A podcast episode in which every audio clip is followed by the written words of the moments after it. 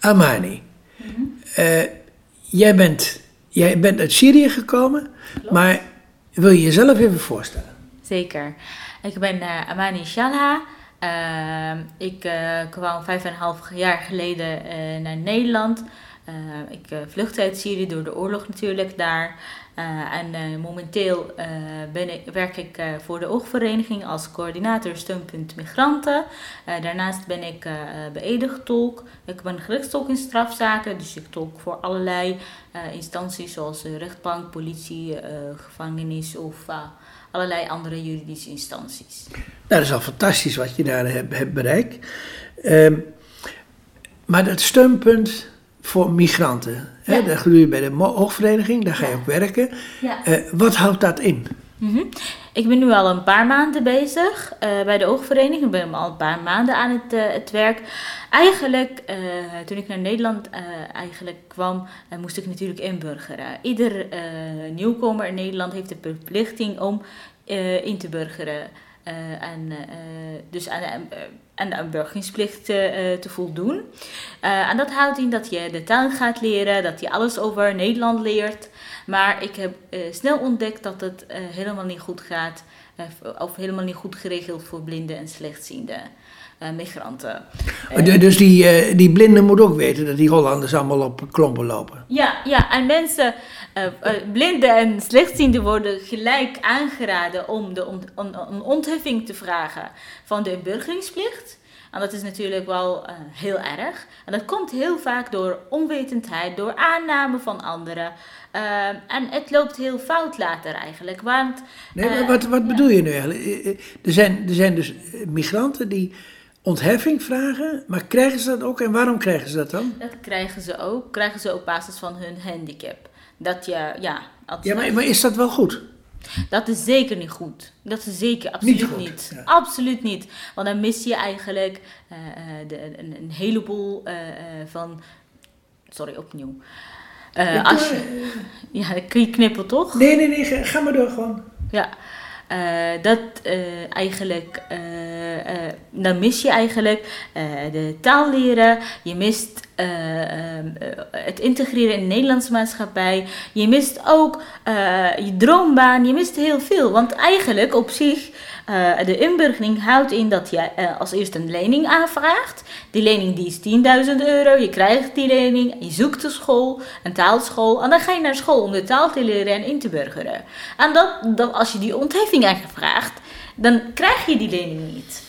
En dan, zeg maar, lukt het ook niet meer om de taal te gaan leren. Ja, en kijk, uh, ik zou zeggen, als je de taal niet leert, als je uh, ziet, zeg maar, dan lukt het enigszins met handen- en voetentaal. Maar als je, als je blind bent, ja, dan, dan, dan zal het helemaal niet lukken, zeg maar. Maar dat betekent eigenlijk dat je, dat je dan een dubbele achterstand hebt? Zeker ja, je, je loopt dubbele achterstand op. Uh, je, je, raakt in een uh, uitzichtloos en permanente uh, isolatie eigenlijk, noem ik het maar.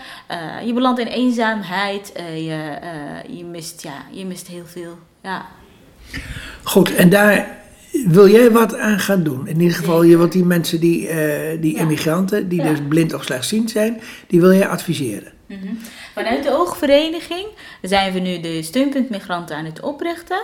Uh, en uh, de steunpunt migranten zal eigenlijk vragen beantwoorden van migranten en professionals die met deze doelgroep te maken hebben. Zal de belangen behartigen van deze doelgroep en initiatieven ontwikkelen om deze doelgroep op weg te helpen in Nederland.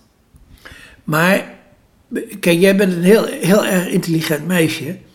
En, en ik kan me voorstellen dat jij dat uh, redelijk gemakkelijk hebt gedaan. Mm -hmm. Relatief dan. Want het is, het is sowieso moeilijk om. om ja, ik had, ik had gelukkig heel veel uh, lieve mensen om me heen die mij eigenlijk hierbij hielpen. contacten op te met contacten opnemen met bepaalde instanties, met dingen rondvragen. Dat eigenlijk, vooral daar had ik heel veel geluk mee. Ik had ook heel veel geluk dat ik geweigerd heb om die ontheffing aan te vragen. Dat ik die lening kon behouden en ging zelf naar, op zoek naar een, een, taalschool. Dus ik heb een taalschool gezocht. Ik heb een hele leuke taalschool gevonden. En zelfs de beste in Utrecht. En die hebben mij eigenlijk met open armen eh, verwelkomd, zeg maar. En daar heb ik de taal geleerd. Ik heb zelfs C1-niveau eh, behaald. Dat is echt eh, eh, de hoogste eh, niveau van, van de taal eh, eh, voor eh anderstaligen. En eh, ben daarna gelijk eigenlijk met eh, mijn studie eh gerechtstolken strafzaken aan de slag gegaan. Dat was gewoon een super prestatie, weet je, ja. Maar als je gewoon die ontheffing aanvraagt en thuis belandt, en dan, dan ben je machteloos. Dan kan je niks meer. Ja, maar kijk, jij geeft nu heel duidelijk aan dat je zelf initiatief hebt genomen, zelf erachteraan gegaan Klopt, bent. ja. En, maar hoe krijg je het nou voor elkaar om namelijk eh, andere mensen, andere migranten die Mhm. blind zijn, dat die namelijk ook zo erachteraan gaan? Ja, nu is het eigenlijk, eh, wat er eigenlijk eh, geweest is, is al geweest. Dus er is al veel misgegaan, maar nu vanuit de oogvereniging willen wij eigenlijk eh, meerdere initiatieven ontwikkelen om deze mensen verder te helpen. Eh, we gaan een, eh, met een taalmaatjestraject aan de slag. Dus eh, hoop ik binnenkort dat de nieuwkomers, die, mensen die net in Nederland zijn, dat wij deze mensen aan een maatje kunnen koppelen. Het kan een maatje die ook vanuit dezelfde doelgroep, zeg maar, dan blind of slechtziend. Dat, dat zal wel natuurlijk deze mensen enorm helpen. En hierbij ook een oproep voor allerlei mensen die dat leuk vinden. Maar hierbij roepen we dus alle blinden en slechtzienden op. Ja, die Word het leuk maatje, vinden. Ja. maatje voor een migrant. Ja, die het leuk vinden eigenlijk om, eh, ja, om een maatje te zijn, zeg maar. Om eh, even te kletsen, even de taal te oefenen. Of misschien deze mensen eh, wat wijzer te maken. Hoe het hier in Nederland zit. wat kan je bereiken als het blind of slechtziend is. En dat, dat je eigenlijk hier in Nederland is, zeg maar, dat het heel normaal is. Dat je gewoon alles kan bereiken en aan de maatschappij kan bijdragen met wat aanpassingen. Dat het allemaal gaat lukken, zeg maar. Dat het niet echt allemaal onmogelijk is voor jou. Ja, En, en daar ben jij wel een bewijs van. Eh, ja, ja, dat hoop ik, ja.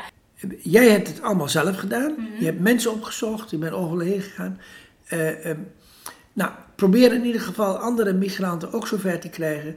En eh, dan kunnen we allemaal toch een gelukkig leven in Nederland hebben.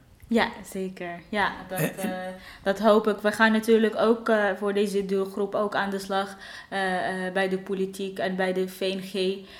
om, om te kijken wat wij ook vanuit gemeente, zeg maar, hoe wij deze mensen ook die ondersteuning ook kunnen bieden. Want ja, de gemeente en eigenlijk, de hele inburgering eigenlijk, gaat volgende jaar dus naar de gemeente. En dan wordt de gemeente verantwoordelijk hiervoor. Het hele systeem verandert. Eh, het hele inburgeringsstelsel. Dus eh, ja, dus wij, wij gaan ook daarmee aan de slag. En wij hopen eh, dus deze mensen echt goed te kunnen ondersteunen vanuit de vereniging. Nou, dan wens ik je heel veel succes. Dankjewel. En dankjewel voor dit interview. Dankjewel. Bedankt voor jou en bedankt voor de luisteraars.